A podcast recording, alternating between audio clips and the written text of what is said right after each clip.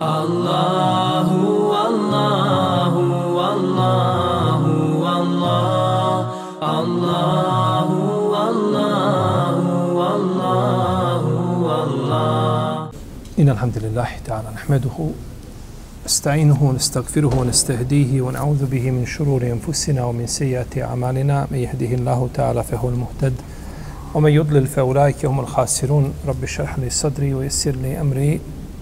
واحلل عقدة من لساني يفقه قولي ثم أما بعد Ne postoji za čovjeka veći dar od dara dini Islama, potom da ga uzvišeni Allah za ođele učvrsti na tom putu, da ga učini uspješnim i da mu olakša i omogući činjenje dobrih dijela. Da mu olakša puteve teobe i da mu olakša puteve ustrajnosti te da ga usmrti na činjenju dobra. Zabilježili su imam Tirmizi i također imam Ahmed od Enesa ibn Malika s vjerodostanim lancem prenosilaca da je poslanik sa rekao Iza arad Allahu bi abdin hajren istamelehu. Kaže, kad Allah želi, kad Allah uzvišeni želi robu dobro, kaže, on ga iskoristi. Pa su upitali, kefe je stamiluhu, ja Rasulullah, kaže, kako ga iskorištavao Allaho poslanič, kako će ga iskoristiti? Kaže, uvafikuhu li amelin salih thumme yakbiduhu alej. Kaže, olakša mu da čini dobro djelo, potom ga, kaže, usmrti dok čini to djelo. Zapečati mu njegov život s djelom kojim je uzvišeni Allah za uđele zadovoljan. A u verziji kod imama Tabarani od Ebu Umame se kaže Iza rad Allahu bi abdihi hajren taharehu kable mauti. Kaže, kada čovjek, kada čovjek uzvišen Allah želi dobro, kaže, on ga očisti prije smrti.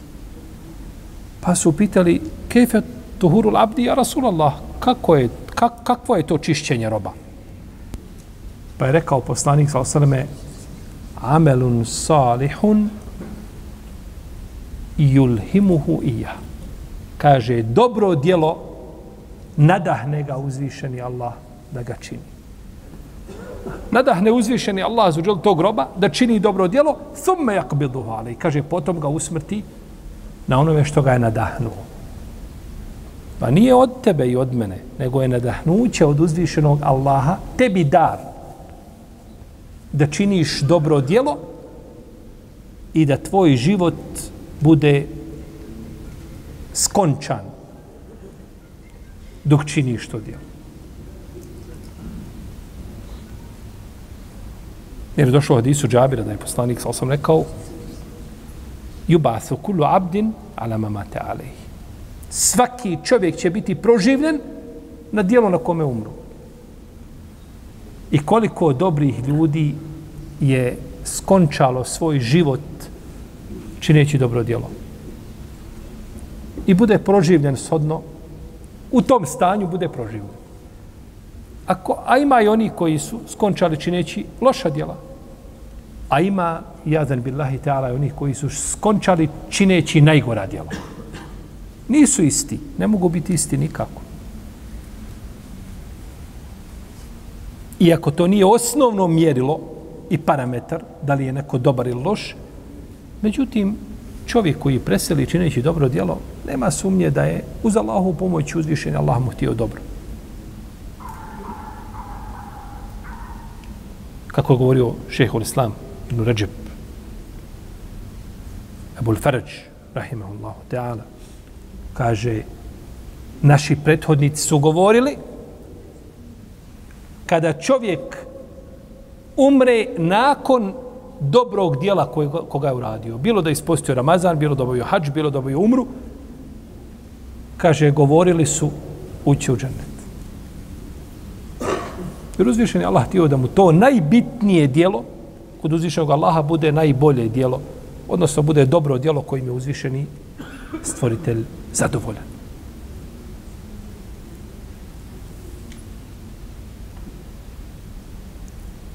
Pa kako se približava čovjeku eđel, a svaki dan mu je bliži, svake sekunde i svake minute je bliži tom eđelu. I ne može ga niko pomjeriti. Trebao bi da njegova djela budu bolja. Ibn Ređep je govorio, kaže, čovjek koji je objelio, kaže, on je poput trudnice. Trudnica kada uđe u deveti mjesec, ona očekuje samo šta? Samo porod. Zato kaže mužu ne, nikuda ovo, ovo, ovo dana ne smiješ nikuda putovati. Moraš biti tu. U slučaju da zatreba, tako da možeš odveze ženu do bolnice. Kaže, ne očekuje ništa do porod. Kaže, tako i čovjek koji je objelio, ne očekuje ništa do smrti. I kome bijele vlasi nisu pouka, a to je nezir, koga uzvišeni, opominjač koga uzvišeni Allah spominje u Kur'anu. Okađaje komu nezir. I došao mi je opominjač, kažu učenjaci, to su bijele vlasi. Da čovjek razmišlja da privodi polako ovaj dunjalučki život kraju. Ne zna niko kada će, ali su to pokazatelji.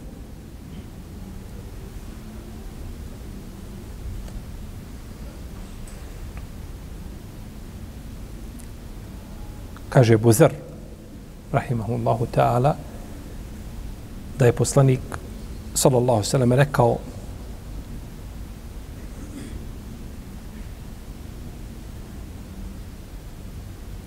men ahsene fil islami lem ju ahad bima mada. Kaže, ko bude dobar u islamu, neće odgovarati za ono što je bilo prije islama. Omen esae uhide bima medao bima baki. A kaže onaj ko ne bude dobar u islamu svome, on će biti, on će odgovarati za jedno i za drugo, i za ono što je prošlo i za ono što će biti.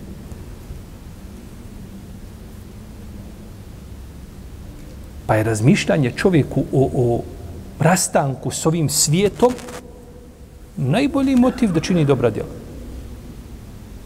Alladhi khalaqa al-mauta wal-hayata li je bluvekum e ahsenu Stvorio život i smrt. Stvorio smrt da ljudi razmišljaju o smrti i da će jednoga dana biti zaboravljeni.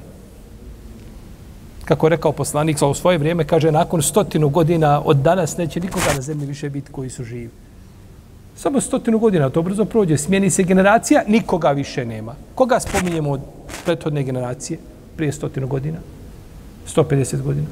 Ako je ostao nekakav hajrlija, da je negdje nešto uradio od hajra, pa imaju nekakvi tragovi za njega, ostavio dobro djelo, pa ga ljudi, kad god pogledaju, kaže Allah mu se smilovao.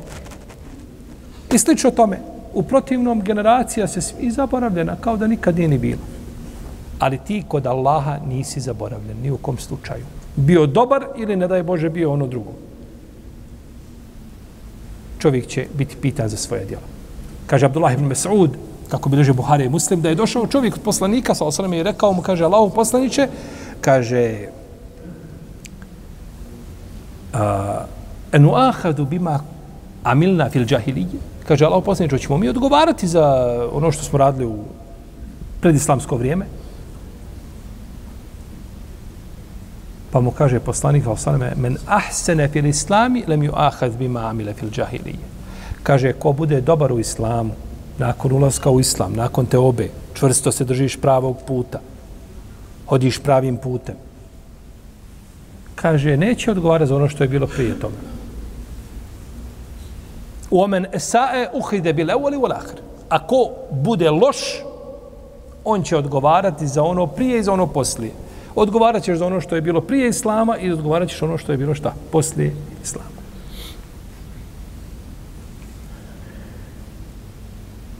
I od Allahovog rahmeta prema robovima jeste da prihvata njihova dobra djela i u vaktu kada su mu bili nepokorni, pa i u vaktu kada nisu bili muslimani nikako.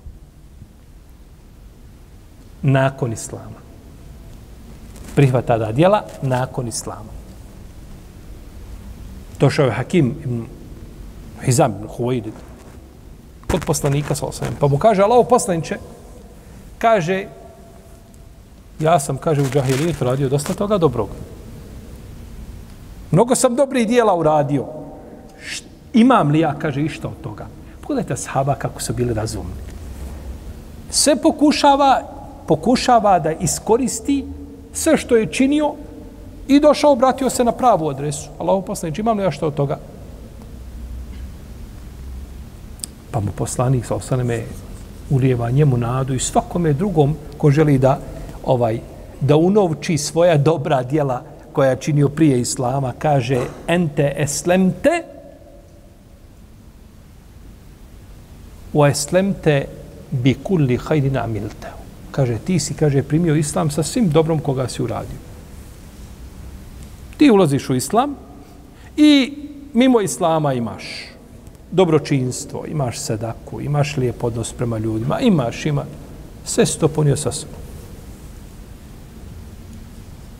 I zato nije jako mišljenje imama El Mazirija, rahimehullahu teala, i kad je jada, koji kažu da čovjek nemuslima, nevjernik, koji učini nešto prije Islama, da nakon toga nije nagrađen za to. Kažu, nije nagrađen. Jer da bi čovjek bio nagrađen, mora imati nijet, da bi... Je tako? Dovoljno je to što će biti oprošteno i to je to. Nije to mišljenje jako.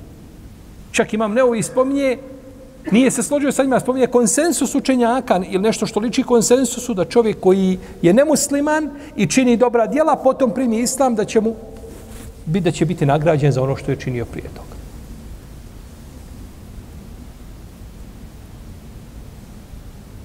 I to je došlo u hadisu Ebu Sedel Hudrija, koga bilježi imam Nesai, da je poslanik sa osvrame rekao, kaže, kada čovjek primi islam, biva nagrađen za sve što je činio, za svako dobro, kaže, svakomu dobro djelo biva upisano, a svakomu loše djelo biva izbrisano. Potom, kaže, slijedi obračun po pravilu da se dobro djelo nagrađuje do, do deset puta, do sedamstotina puta, a da za loše dijelo čovjek biva kažen samo jedan put, osim ako mu ga uzvišeni Allah oprosti. Pa kako god okreneš vjernike u, vjernike u plusu, vjernike u hajru, ima mogućnost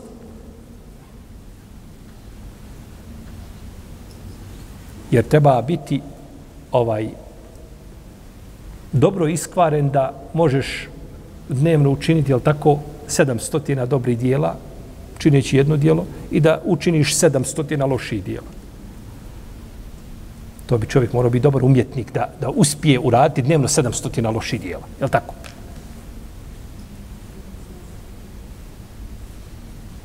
I najzad ako uzvišeni Allah za uđel, ako će jednoj skupini ljudi pretvoriti loša dijela, preinačiti loša dijela u dobra dijela, pa zašto onda ne bi dobro dijelo ostalo šta? Dobro dijelo, tako to je preče, Pa sve više gospodara za uđel traži od nas činjenje dobrih dijela, traži da ustajemo na tom putu i da ne gubimo u nadu njegovu milost.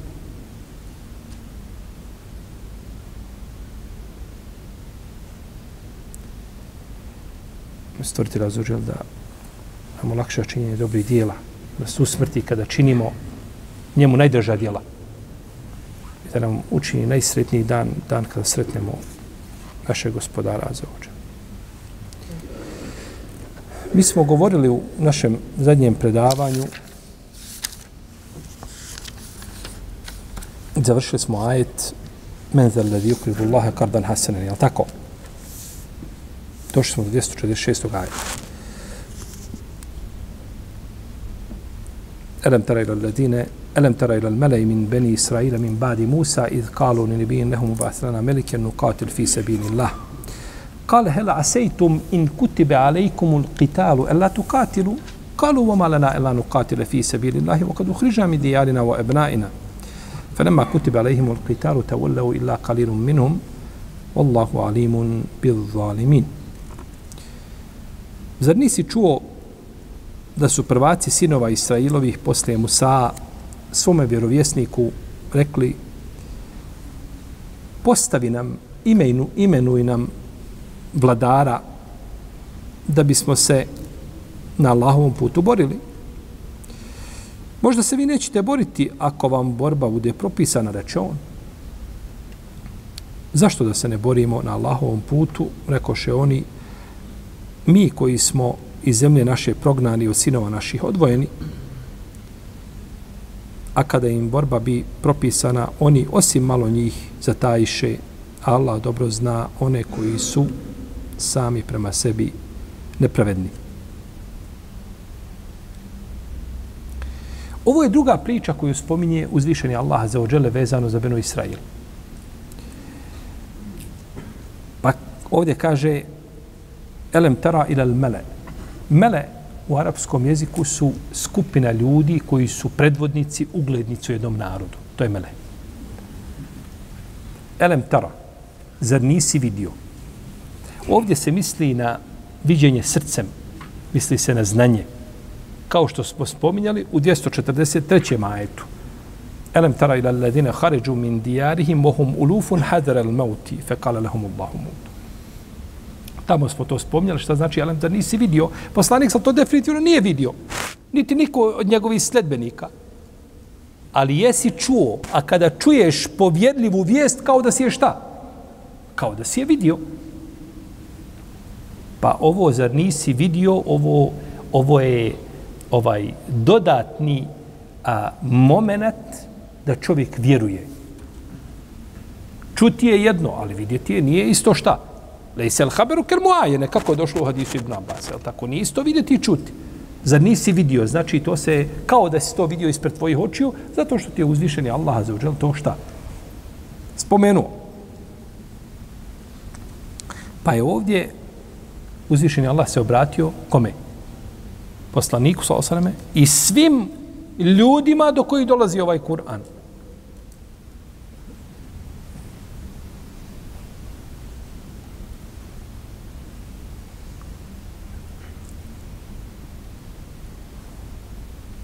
Kada nastupe vremena fitneta, nereda, kada se uzburka, stalasa, tada su mjerodavne riječi ovih meleni. To su ljudi, to je onaj gornji stoj u jednom društvu. Obrazovani, učeni, razboriti, koji ne sude svojim emocijama. Gleda se na njihove riječi i šta oni kažu. A to obične mase i narodi, to, hajmo na ulicu, iskuplo se nas 30 i onda smo jaki zato što smo grupa. Ajmo vrištati, galamiti, da nešto mijenjamo pouka je onome što, ka, što kaže ehlul halli wal akd. A to je taj gornji sloj u jednom društvu koji je najsvjesniji, koji zna šta je korist za jedno društvo, šta je štetno. Dok mase, one znaju da je korisno ono što im je, što su zadnji mjesec gledali na televizor. A da je štetno ono što televizor nije prikazio, da je bilo dobro, to bi nam je bilo prikazano. I to im je osnovno mjerilo.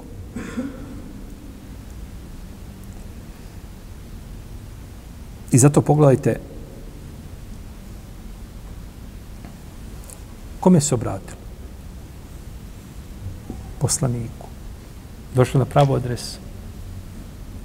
Daj nam koga? Imenuj nam, kruniši nam nekoga ko će nas povesti. Pa se obratili na pravu, na pravu adresu. Naravno, u ovoj priči mi znamo ova priča kada je bila i za koga je vezana. Za razliku od prethodne priče. To ne znamo. Zar ne vidiš one koji su izišli iz domova svoje, a bilo je hiljade? Ne znamo te podatke. Ovdje je spomenuto da je to narod od Benu Israila i da je šta? da su živjeli posle koga? Posle Musa, alaih salam. Kada su kazali poslaniku svome, poslije, znači Musa, ale i selam, imenuj nam, kruniš nam vladara. Kaže se da je to bio Šemuil, Šamuel, Ibn Bab, da mu je tako bilo ime. Ili nadimak Ibn Lađuz, sin starice. Zato što ga je majka njegova dovela Allahu da ostane trudna u vremenu kada ovaj žene ne rađaju. Pa je uzvišeni Allah počastio je sinom, pa je zato nazvan sin starice, zato što ga rodila u poznim godinama šta, svoga, svoga života.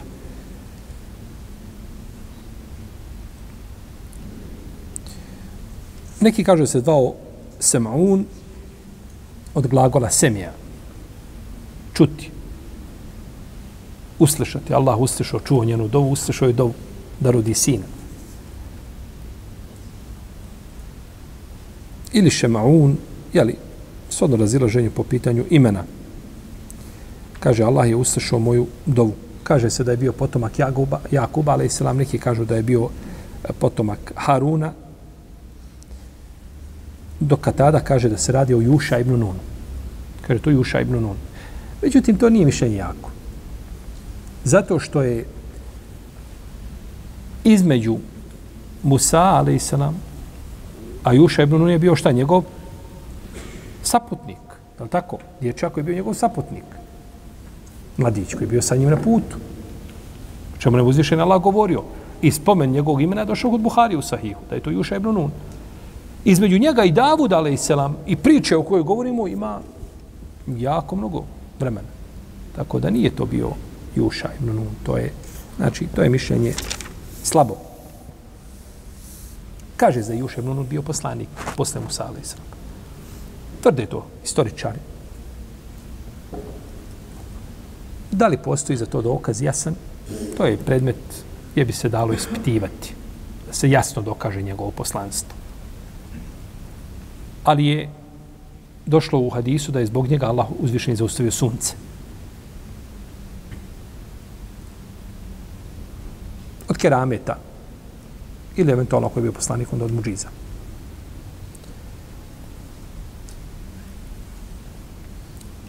Pa nas uzvišeni Allah za ođelu u ome ajet obavještava o ljudima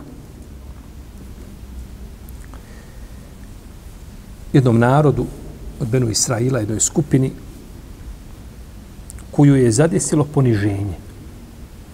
Pa su tražili izlaz, tražili rješenje.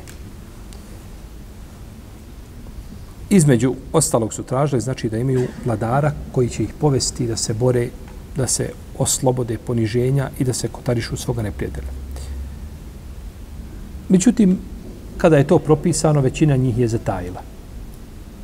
Ustukla, nisu ispunili svoja obećanja velika. Osim male skupine njih. Kaže, kale, hela, asejtum, možda se vi nećete boriti, kaže im poslanik. Možda se nećete boriti. To što vi pričate, to je jedno. A kada dođe vrijeme borbe, možda se nećete boriti.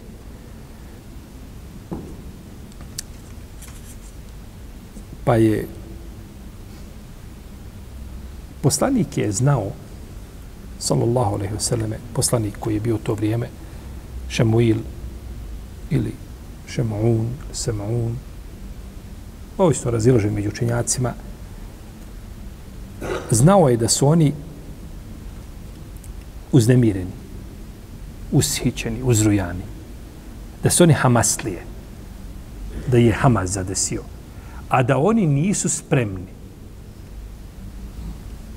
Nego to je samo ono, hoćemo li, hoćemo. A da nisu, da nisu spremni da se bore. Jer svaki poslanik je bio i prije poslanstva imao je pronicljivost, oštroumnost. Poslanik nije bio čovjek koji samo je tako neko. Poslanik je izabran čovjek od uzvišenog Allaha za ođer. I da ima najpotpunija ta svojstva. Jer treba voditi ljude, treba voditi, treba dostaviti poslanicu i treba organizovati taj vjerski život među ljudima očekujući sve napade izvana koji će biti na to društvo. Pa to ne može voditi neko ko je onako, jel tako, neodlučan nekakva osoba, bio raja među ljudima i poznat kao šelivđija dobar i hajde, kaže, ti nas povedi odmah. Ne može tako. Nego je odabran.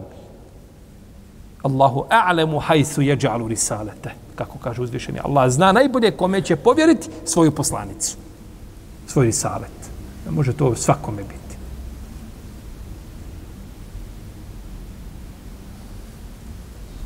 Pa im je poslanik ovdje rekao, kaže, a možda vi nećete to. Znam vas, znam vas, poznajem vas.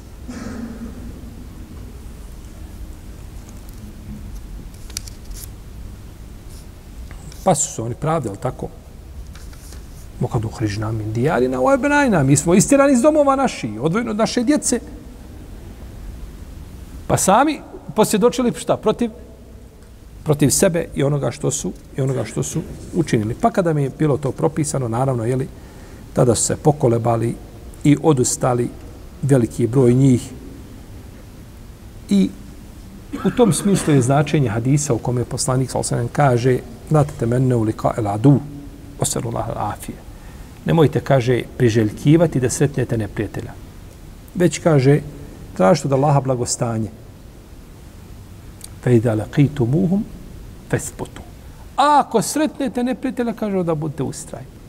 Ali to čovjek samog sebe da izaziva on i on ovaj želi nemojte priželjkivati, kaže poslanik, susret sa neprijateljem. A ako te uzvišeni Allah iskuša time, e onda budi postojan, budi čvrst.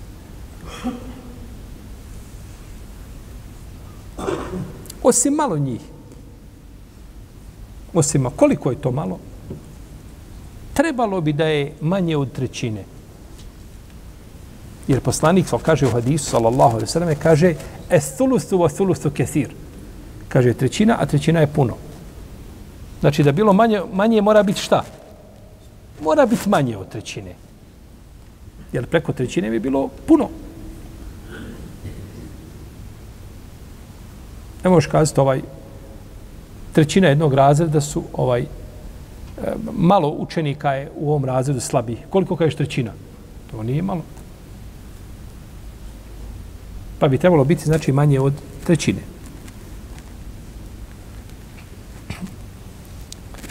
Potom kaže uzvišeni Allah za uđel, وَقَالَ لَهُمْ نَبِيُّهُمْ إِنَّ اللَّهَ قَدْ بَعْثَ لَكُمْ طَالُوتَ مَلِكَ قالوا أن يكون له الملك علينا ونحن أحق بالملك منه ولم يؤت سعة من Kale inna Allahe stafahu alaikum mozadehu bestaten fin ilmi wal jism. Wallahu yu'ti mulke me ješa. Wallahu asiun ali.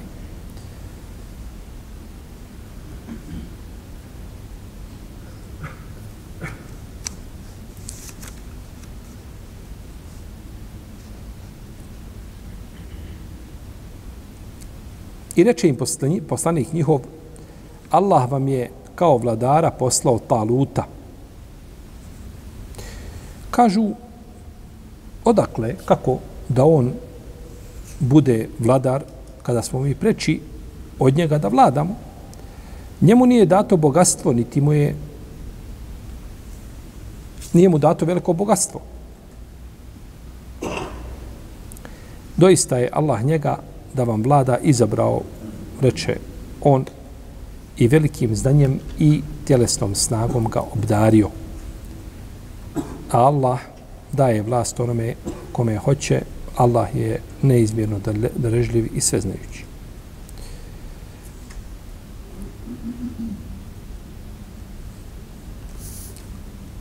Kaže poslanik sallallahu sallam svome narodu kaže Allah vam je šta? Odabrao Taluta kao vladara. Poslao ga. Znači, udovoljuje vašoj dobi vi ste tražili, pa vam je uzvišen Allah udovoljio. Kaže se da je Talut bio vodonoša, neki kažu da je bio uh, kožar, neki kažu da je bio mazgar, služio mazge. Da li čime se je bavio Talut u to vrijeme? Ali je bio učen i zbog toga ga uzvišen Allah uzdigao. Kaže se da je bio od potomaka Benjamina. Benjamin. Ko je Benjamin? Jusufov brat. Benjamin, da li je to ime došlo u sunnetu, to je predmet za dobru pretragu. Ta imena su uglavnom što se navode imena Jus, braći Jusufove braće i tako da to je došlo sve u Israilijatima. Ta imena teško potvrditi.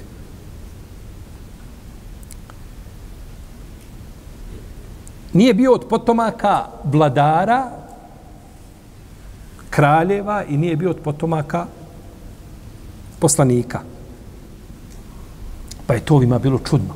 I odakle onda nama bude vladar? Ko, ko, ko njega? Nema niko drugi bolji od njega? Pa su zbog toga to šta? Porekli. Kojim, kojim ga je ovaj? Kale lehum nebihum inna Allahe kad ba'ase lekum talu temeli. Poslanik im rečem, Allah vam je šta? Krunisao taluta kao šta? Vladara. Znači, poslanik nema tu ništa kao ovdje, ovo samo prenosi. Evo, Allah me obavijestio da vam je talut kralj. Uvijek kaže, otkud to? Kako da on nama bude nismo preči od njega, nije mu dato. Jer je moguće bilo da ovdje ovaj bude da bude neko drugi? Inna Allahe kad ba'athe lekum talutem, Allah vam je poslao taluta kao vladar. Ne možeš to nikako metaforički to baš da se odnosi na drugog. Jasne riječ ko dan. Pa su to odbili. A iako uzvišen Allah spomenuo šta njegovo ime. Da je s nekakvi opisi došli. Mogu reći, dobro, ti opisi odnose na taluta, ali ima i drugih taluta. Evo imamo još pet koji imaju takve opise. Nego po imenu. Znate, kada je, kada je uzvišen Allah, kada je rekao poslanik, sa sveme, u Beju ibn Kjabu, kaže, Allah mi je, kaže, naredio da ti učim suru El Bejine. Kaže, Allahu poslanič, kaže, je li, kaže, mene uzvišen Allah spomenuo po imenu? Moje ime, ime spomenu, jeste, kaže, tvoje ime spomenuo. Pa je zaplakao u Bejrati Allah. Pogledajte razliku između jedne generacije i druge generacije. To mene spomenuo, od dragosti zaplakao. Kažu, kako će on nama biti vladar? Kaže, uhbi mu nebe. Kada su prvaci Beno Israila tražili od Šamuela ibn Bala da im uzvišen je Allah pošelje vladara, da ga kruniše kao vladara. Allah mu je rekao uzvišeni, kaže, pogledaj, kaže, u tvoju posudu koju je mast, koja je u kući. Pa kaže, kad ti uđe čovjek i pomiriše tu posudu, kaže, uzmi, uzmi i namaži mu kosu, glavu njegu namazi, namaži to mašću. I kaže, proglasi ga, imenuj ga kraljem. Pa je došao Talut, koji je bio kožar štavio kože? Došao je Talut i pomirisao, pa je došao, kaže, dođi vamo. Pa mu je namazao glavu tom mašću i kaže, ti si, kaže, kralj Benu Israilu. A on je došao, Talut je došao kod Šemuila, Šamuela, da traži izgubljenu životinju.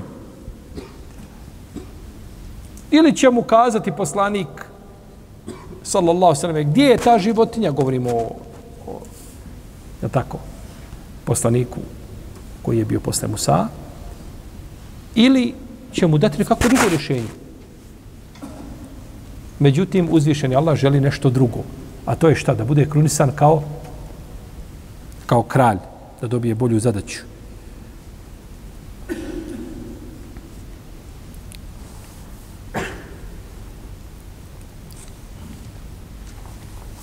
Pa je rekao, ti si kralj i onda ga predstavio Benu Israilu. Inna Allahe kad be'atha lekum talu temelike. Ovako je došlo u jednom haberu koji je haber Israili. Israilijat. Ovo što ste čuli, ovo ovo, ovo, ovo nije potvrđeno od poslanika. Prvo nije potvrđeno ime Šemuil, ni Šemaun, ni Semaun, ni Ibn Lađuz, ništa toga nije potvrđeno. To su israelijati. Mi priznajemo i potvrđujemo, moramo, to nam je farz obavezni, ba, da potvrdimo, znači da je bio poslanik posle Musa. Ako toga nema, priče. Ali da se je zvao tako, to ne možemo potvrditi. Jer za imena trebaju dokazi. Da bismo nazvali, nazvali meleka smrti Azrail, zato nam treba dokaz. A dokaza nema. To ne može nigdje biti. To je došlo kod Ebu Šeha u djelu Lazame, od Selefa, da su spominjali neki to. I poznato je kod Ehlul Kitaba, Azrail. Možda se zove tako, ali u Kur'anu se kaže je te wafakum melekul meuti ledi vas će usmrtiti melek smrti koji je za vas zadužen. Pa je melek smrti nazvan shodno zadaći koju obavlja. To mu nije ime. Melek smrti to mu nije. Melek brda nije mu ime Melek brda. Ali je nazvan shodno zadaći šta koju zadužen je za brda.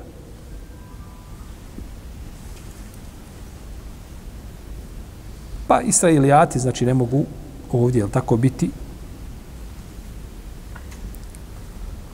Jer mi imamo od poslanika, ali tako o kojima ne znamo ništa. O kojima ne znamo ništa. Minhum men kasasna alejk, o minhum men nem naksus alejk. Poslanika ima o kojima smo ti govorili, a ima onima o kojima ti ništa spominjali nismo. Ima poslanika o kojima naš poslanik, sa ne zna ništa. Nije ga uzvišenje la obavijesti o tome.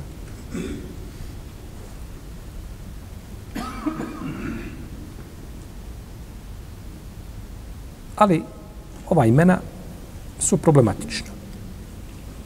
Talut i Đalut, to su nearapska imena.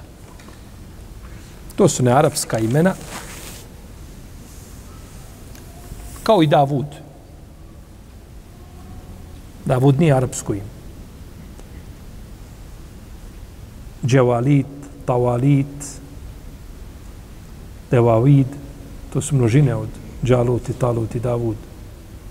To nisu nisu arapska imena.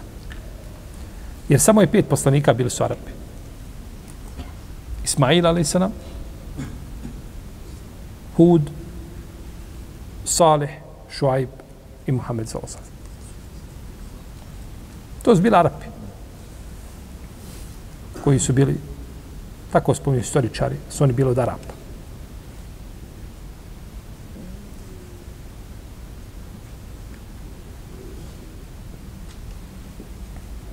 Enna je kunu lehul mulku alejna. Kako će on biti nama vladar?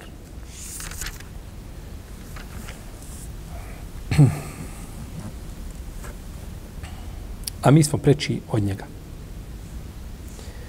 Oni su slijedili svoju praksu raniju ko treba biti vladar i kome vlast treba da pripada, pa se ovdje usprotivili i onome što je rekao njihov poslanik sallallahu alaihi sallame, a ostavili su pravi razlog, a to je da je uzvišeni Allah ga imenovao i on ga postavio kao vladar.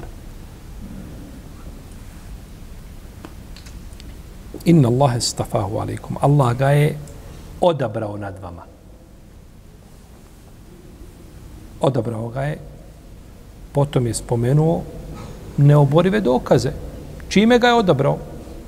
Razumom šta i? I tijelom. Razum treba da bi znači organizovao ljude, a tijelo treba da bi ti u ratu mogao ostvariti cilj. Pa je uzvišen Allah zažel odabrao im paluta. Tako da imamo pri sebi svojstva imama, vođe. I to nema veze sa porijeklom. To je sposobnost čovjeka to da to se ne nasljeđuje, babo može biti lider u pravom smislu riječi. Sinovi Behuti ne bi mu smio povjeriti tri ovce da čuva. To, ni, to nije nasljedno, to se ne nasljeđuje. To je dar od uzvičnog Allaha s jedne strane i s druge strane je tako da čovjek ima nekakvu vezu ovaj sa liderstvom. da stekne određenu praksu i tako dalje.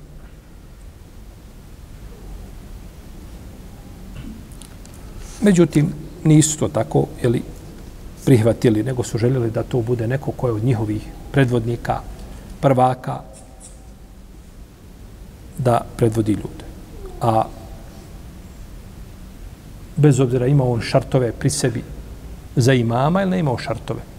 Mislimo na imama, na predvodnika, na vođu. I mi smo govorili o šartovima imama kad smo govorili u ajetu na početku sura Al-Bekara. وإذ قال ربك للملائكة إني جاعل في الأرض خليفة kod toga ajeta smo spominjali te šartove, ali je prošlo godina, je tako? Godina prođe, pa se ponešto i zaboravi. Kažem na Abbas, da je toga dana Palut bio najučeniji čovjek u Benu Israilu. Naravno, na, na, na, nakon poslanika, tako, koji je bio to vrijeme. Ne može niko biti učeniji od poslanika u pitanjima ili vjere i ono što im treba. Neki kažu da nazva Talut zato što je bio visok, bio krupan, imao veliku tjelesnu snagu. A neki kažu to nije bila tjelesna snaga u smislu da on bio krupan, nego je bila u smislu hrabrosti njegove, tako, držanja njegovog, sposobnosti njegove, lijepi osobina i tako dalje.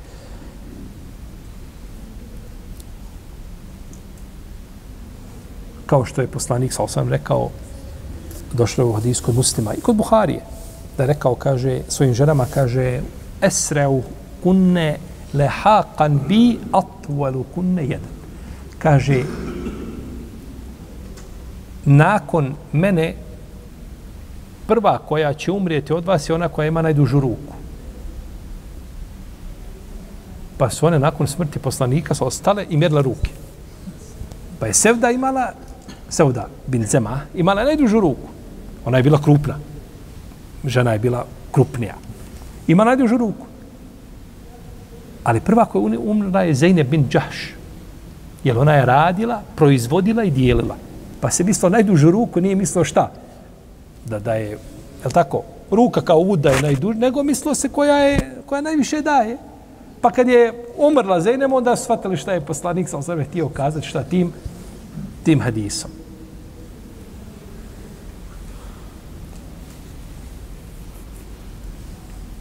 Radijallahu ta'ala anhunne. Jer, jer eh, ova, Sauda radijallahu ta'ala, ona je umrla 55. iđeske godine, relativno kasno. 40 godina nakon poslanika, 45. Nakon smrti poslanika, sallallahu alaihi wa sallam.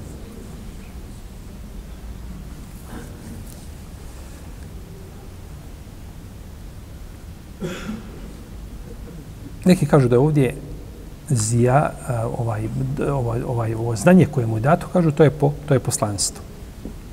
Pa bi, sodno tome, on bio poslanik. Pa bi, sodno tome, Talut bio šta? Bio bi poslanik.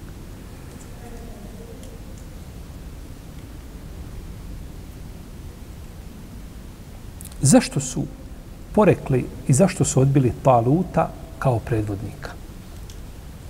Zbog navike. Bog navike. Allahu bio naviku koja se kosi sa onim što uzvišeni Allah kaže i što kažu njegovi poslanici. Kakve navike?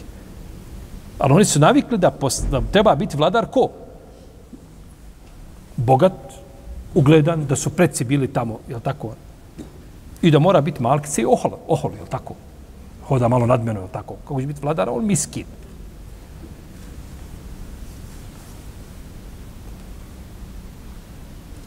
I kako ljudi mogu očekivati dobro koji se suprostave jasnim Allahovim naredbama?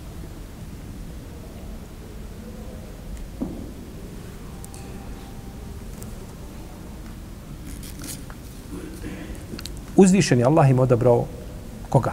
Vladara. Nije ostavio taj izbor njima. Da je ostavio njima, bio brat među njima. Je tako? Jer kad dođe u pitanje vlast, tad, tad svako pokaže svoje lice. I tu nema milosti ni prema svome, ni prema djetetu u kolijevci svome. Ni babo, ni majka, ni niko. Vlast kad dođe, jer ljudi vole više vlast ili metak? Pa zar ne ulažu i metak da dođu do vlasti? Samo on od sebe šta? kran i on u svoju stranu zakačio kran onaj pored autoputa da ga svako vidi. On platio, kaže, ja platio kran, ja platio kran tu da visi gore, on negdje okačio se. Ljudi ulažu i metke da dođu do vlasti. Hajde nekome ko je na vlasti, plati platimo, platimo da ostavi vlast. Ima jedan tamo neko velik na položaju nešto. I kažemo, dobit ćeš toliko i toliko da ostaviš. To se ne plaća. Ja sam plaćao da dođem do ovoga mjesta. Vlast je do kraja nezgodna. Kako je rekao poslanik, sa osaname, ovaj, Nimel mordija u bisatil fatima. Kako je lijepo dojiti, a kako je teško dojiti, biti odbijen. Beba kad doji, ona je, njoj je dunjaluk sav ko lebdi. Kad je odvojiš od dojke, eh, to je vlast.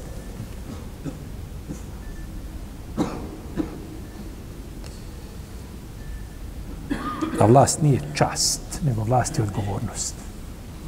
I zato su oni prvi najbolji kada hoće da bude kadija, on mazgu svoju ili konja i preko dunjaluka bježi i neće da bude kadija. Iako kadija nije posebna kakva vlast. Ti sudiš među ljudima.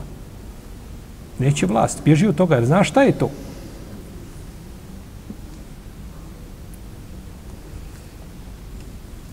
A danas, šta mu ne kažu, vallahi, kako može ova zemlja uspjeti, a ja nisam, mene nema nigdje tu. Niko me ni za što ne pita nešto se radi, nešto se planira, a mene niko ni poselamio nije. Budi sretan što te zaobi, zao, zaobišlo te veliko dobro.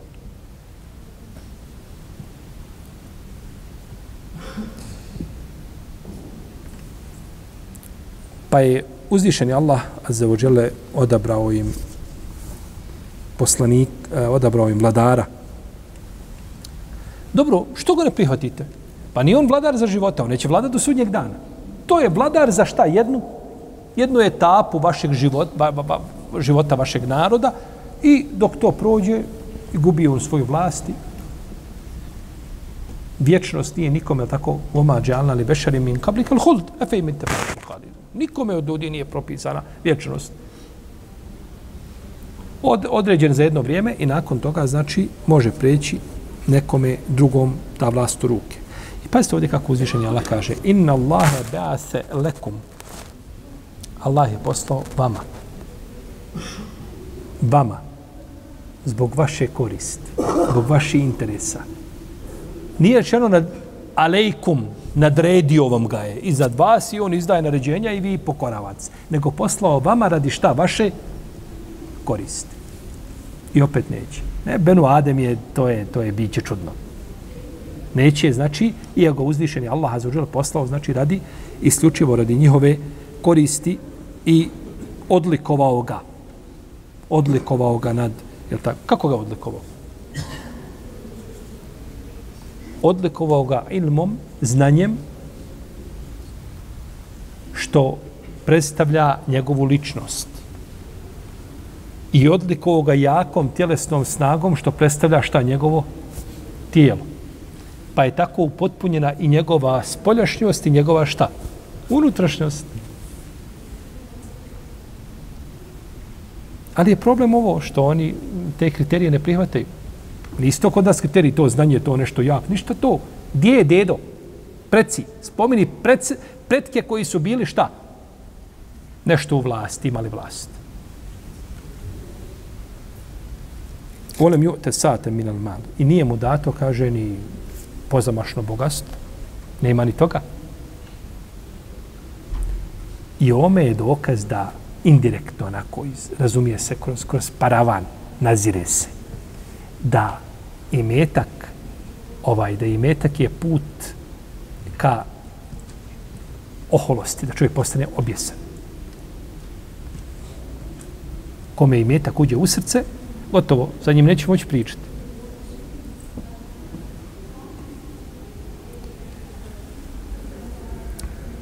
Wallahu yu'ti mulkehu men yasha. Uzvišeni Allah daje svoju vlast kome želi. Daje vlast kome šta? Kome želi. Neki kažu učenjaci, ovo se misli da e, ovaj sajet odnosi na poslanika sa osobom. Iako je ispravnije da se radi o poslaniku o kome je riječ.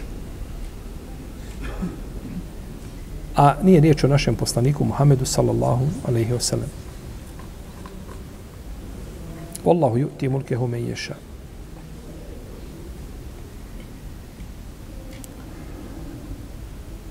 Pa je ovdje podstakao i upozorio da je to od uzvišenog Allaha, tabarake o teala. Međutim, po svome običaju, oni su raspravljali s poslanicima, odbijali njihove naredbe i nisu sledili njihove upute.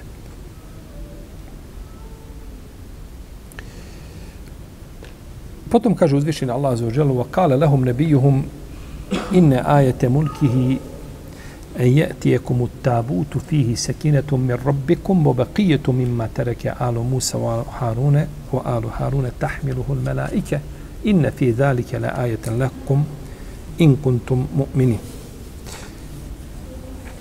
Zaista znak njegove vlasti, reče im vjerovjesnik njihov, bit će kovče koji će vam stići. I u njemu će biti smirenje za vas od gospodara vašeg i ostatak onoga što su Musa i Harun ostavili. Nosit će ga meleki. U tome je doista znak za vas ako ste vjernici. Tome je doista znak za vas ako ste vjernici.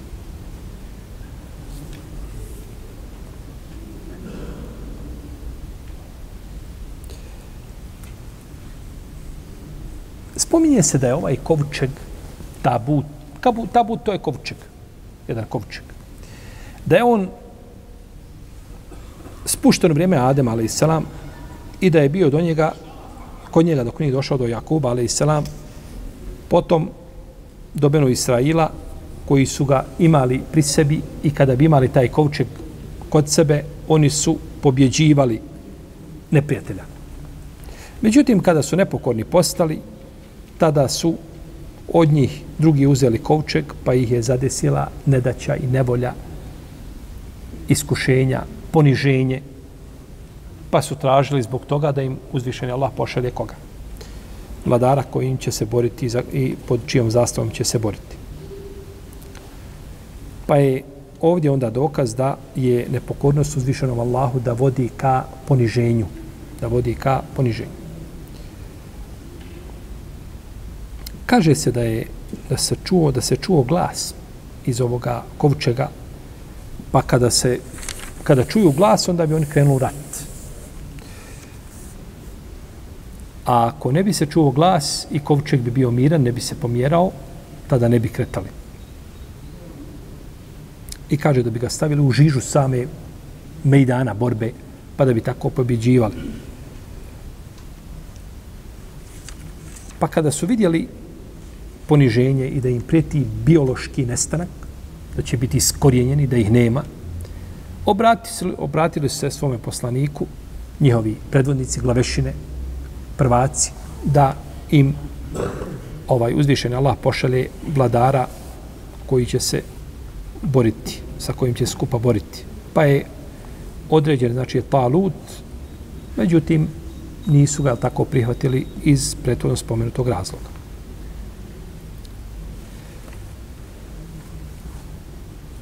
Kaže se da je da su ljudi koji su uzeli kovčeg od njih, da ih je pogodila bolest, njihove vratove zahvatila, pa su taj kovčeg stavili u svoj hram gdje su bili njihovi kipovi, pa bi se probudili ujutru, a kovčeg iznad kipova. Pa su ga zavezali za noge najvećeg kipa, pa bi ujutru ustali, a ono, ono, ovaj, odsječene ruke i noge kipa i bačene pod kovčeg.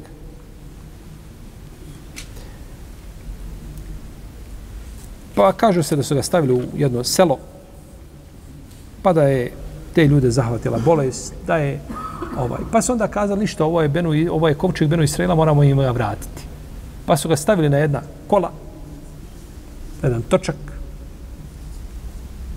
i između dva vola i poslali ga ka Benu Israilu.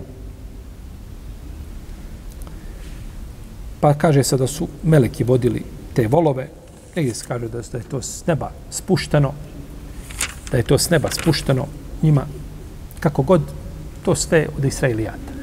Sve sto to vijesti od Israilijata. Ne poričemo ih, niti i smatramo ispravnim.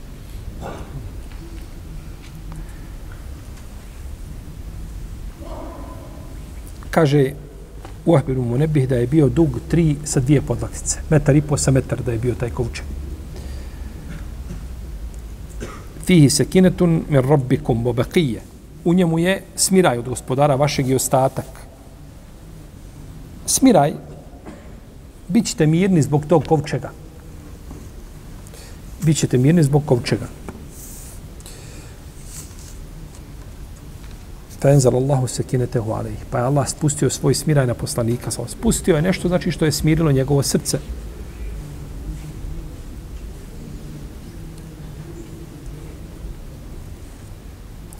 U Ahbiru mu nebih kaže da je to duša. Da je taj, stvari, kovčeg, da je to ovaj simbolika za dušu koja bi pričala kada se raziđu oko nečega, onda bi progovorila ta duša, pa bi ih uputila ono što je čak i u ratu kad bi progovorila da bi oni pobjedili. Ali ja kaže da je to vjetar bio koji je bio brz, dugo je predaj jak, da je imao glavu, lice, dugo je predaj kaže da je imao dvije glave. Mujahid kaže da je to bila životinjica poput mačke koja je imala krila, koja je imala rep, koja je imala dva oka koja su blještala. Ako pogledaju neprijatelja, bio bi poražen. Ibn Abbas kaže da je to posuda iz dženneta u kojoj su prata srca poslanika, vjerovjesnika. Međutim, to sve mišljenja koja su najprije da su potekla od Beno Israila. Israilijati. One se mogu spomenuti kao mišljenja, međutim, na njima se ne gradi nikakav propis, jer nije to potvrđeno ništa našim šerijatom. Ovaj, pa znači, niti to negiramo, niti to niti to potvrđujemo. Ima mnogo tih mišljenja vezani za za smiraj i za ostatak. Fihi sakinatu mir, sakinatu mir rabbikum u bakijetu mimma tarake ala musala. Znači imamo smirenje, imamo šta? Ono što je ostalo. Šta je to? Imamo puno mišljenja ovaj kod islamskih učenjaka ali nema ništa vjerodostojno od poslanika sa osaname u tom pogledu. Vi znate da je došlo kod muslima u Sahihu i kod Buharije također od Elbera ibn Aziba da je jedan čovjek učio suru Kehf. Pa da je pored njega bio konj koji je vezan bio sa kanapima pa se spustio oblak koji je počeo da kruži za njega pa se konj uznemirio Pa kada je obavijestio poslanika, sa osam kaže, to je smiraj koji se spustio s neba radi učenja Kur'ana. Isto je hadis Sede ibn Hudajra, koji je kod Buhari kod muslima. Kada je učio, pa se njegov konj, njegova kobila se uznemirila, to je bio pored njega njegov sin Jahja. Pa je vidio nešto poput svjetiljki na nebu. Pa kada je obavijestio poslanika, sa osam o tome, kaže, to se kaže meleki koji su došli da čuju učenje Kur'ana, da se kaže nastavio, kaže ostali bi do jutra i ne bi se zaklanjano, ne bi se zastiralo od ljudi. Ljudi bi vidjeli. Smiraj, znači koji je tako povodom učenja Kur'ana, obakije i ono što je ostalo, ostatak,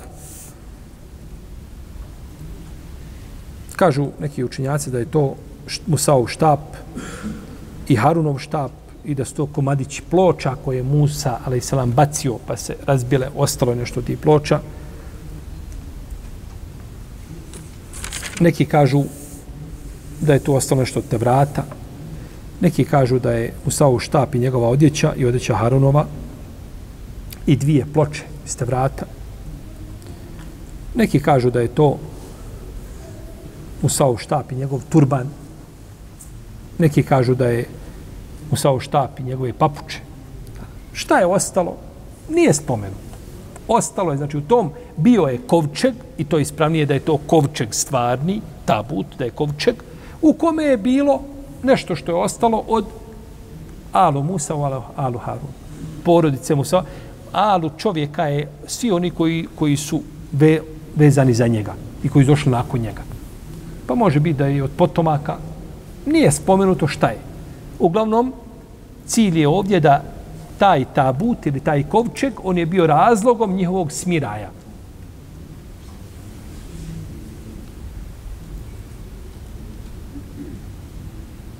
Potom nam uzvišen Allah Azzawajal nastavlja ovu priču sa Palutom kada je prešao, znači, sa vojskom i iskušenje koje im je tom prilikom ovaj, čime su iskušani. Pa ćemo, inša Allah, o tome govoriti u našem narednom predavanju. Allahu ta'ala, nam salli Allahum ila Muhammed, wa ala alihi wa sahbihi. Allahu, Allahu, Allahu.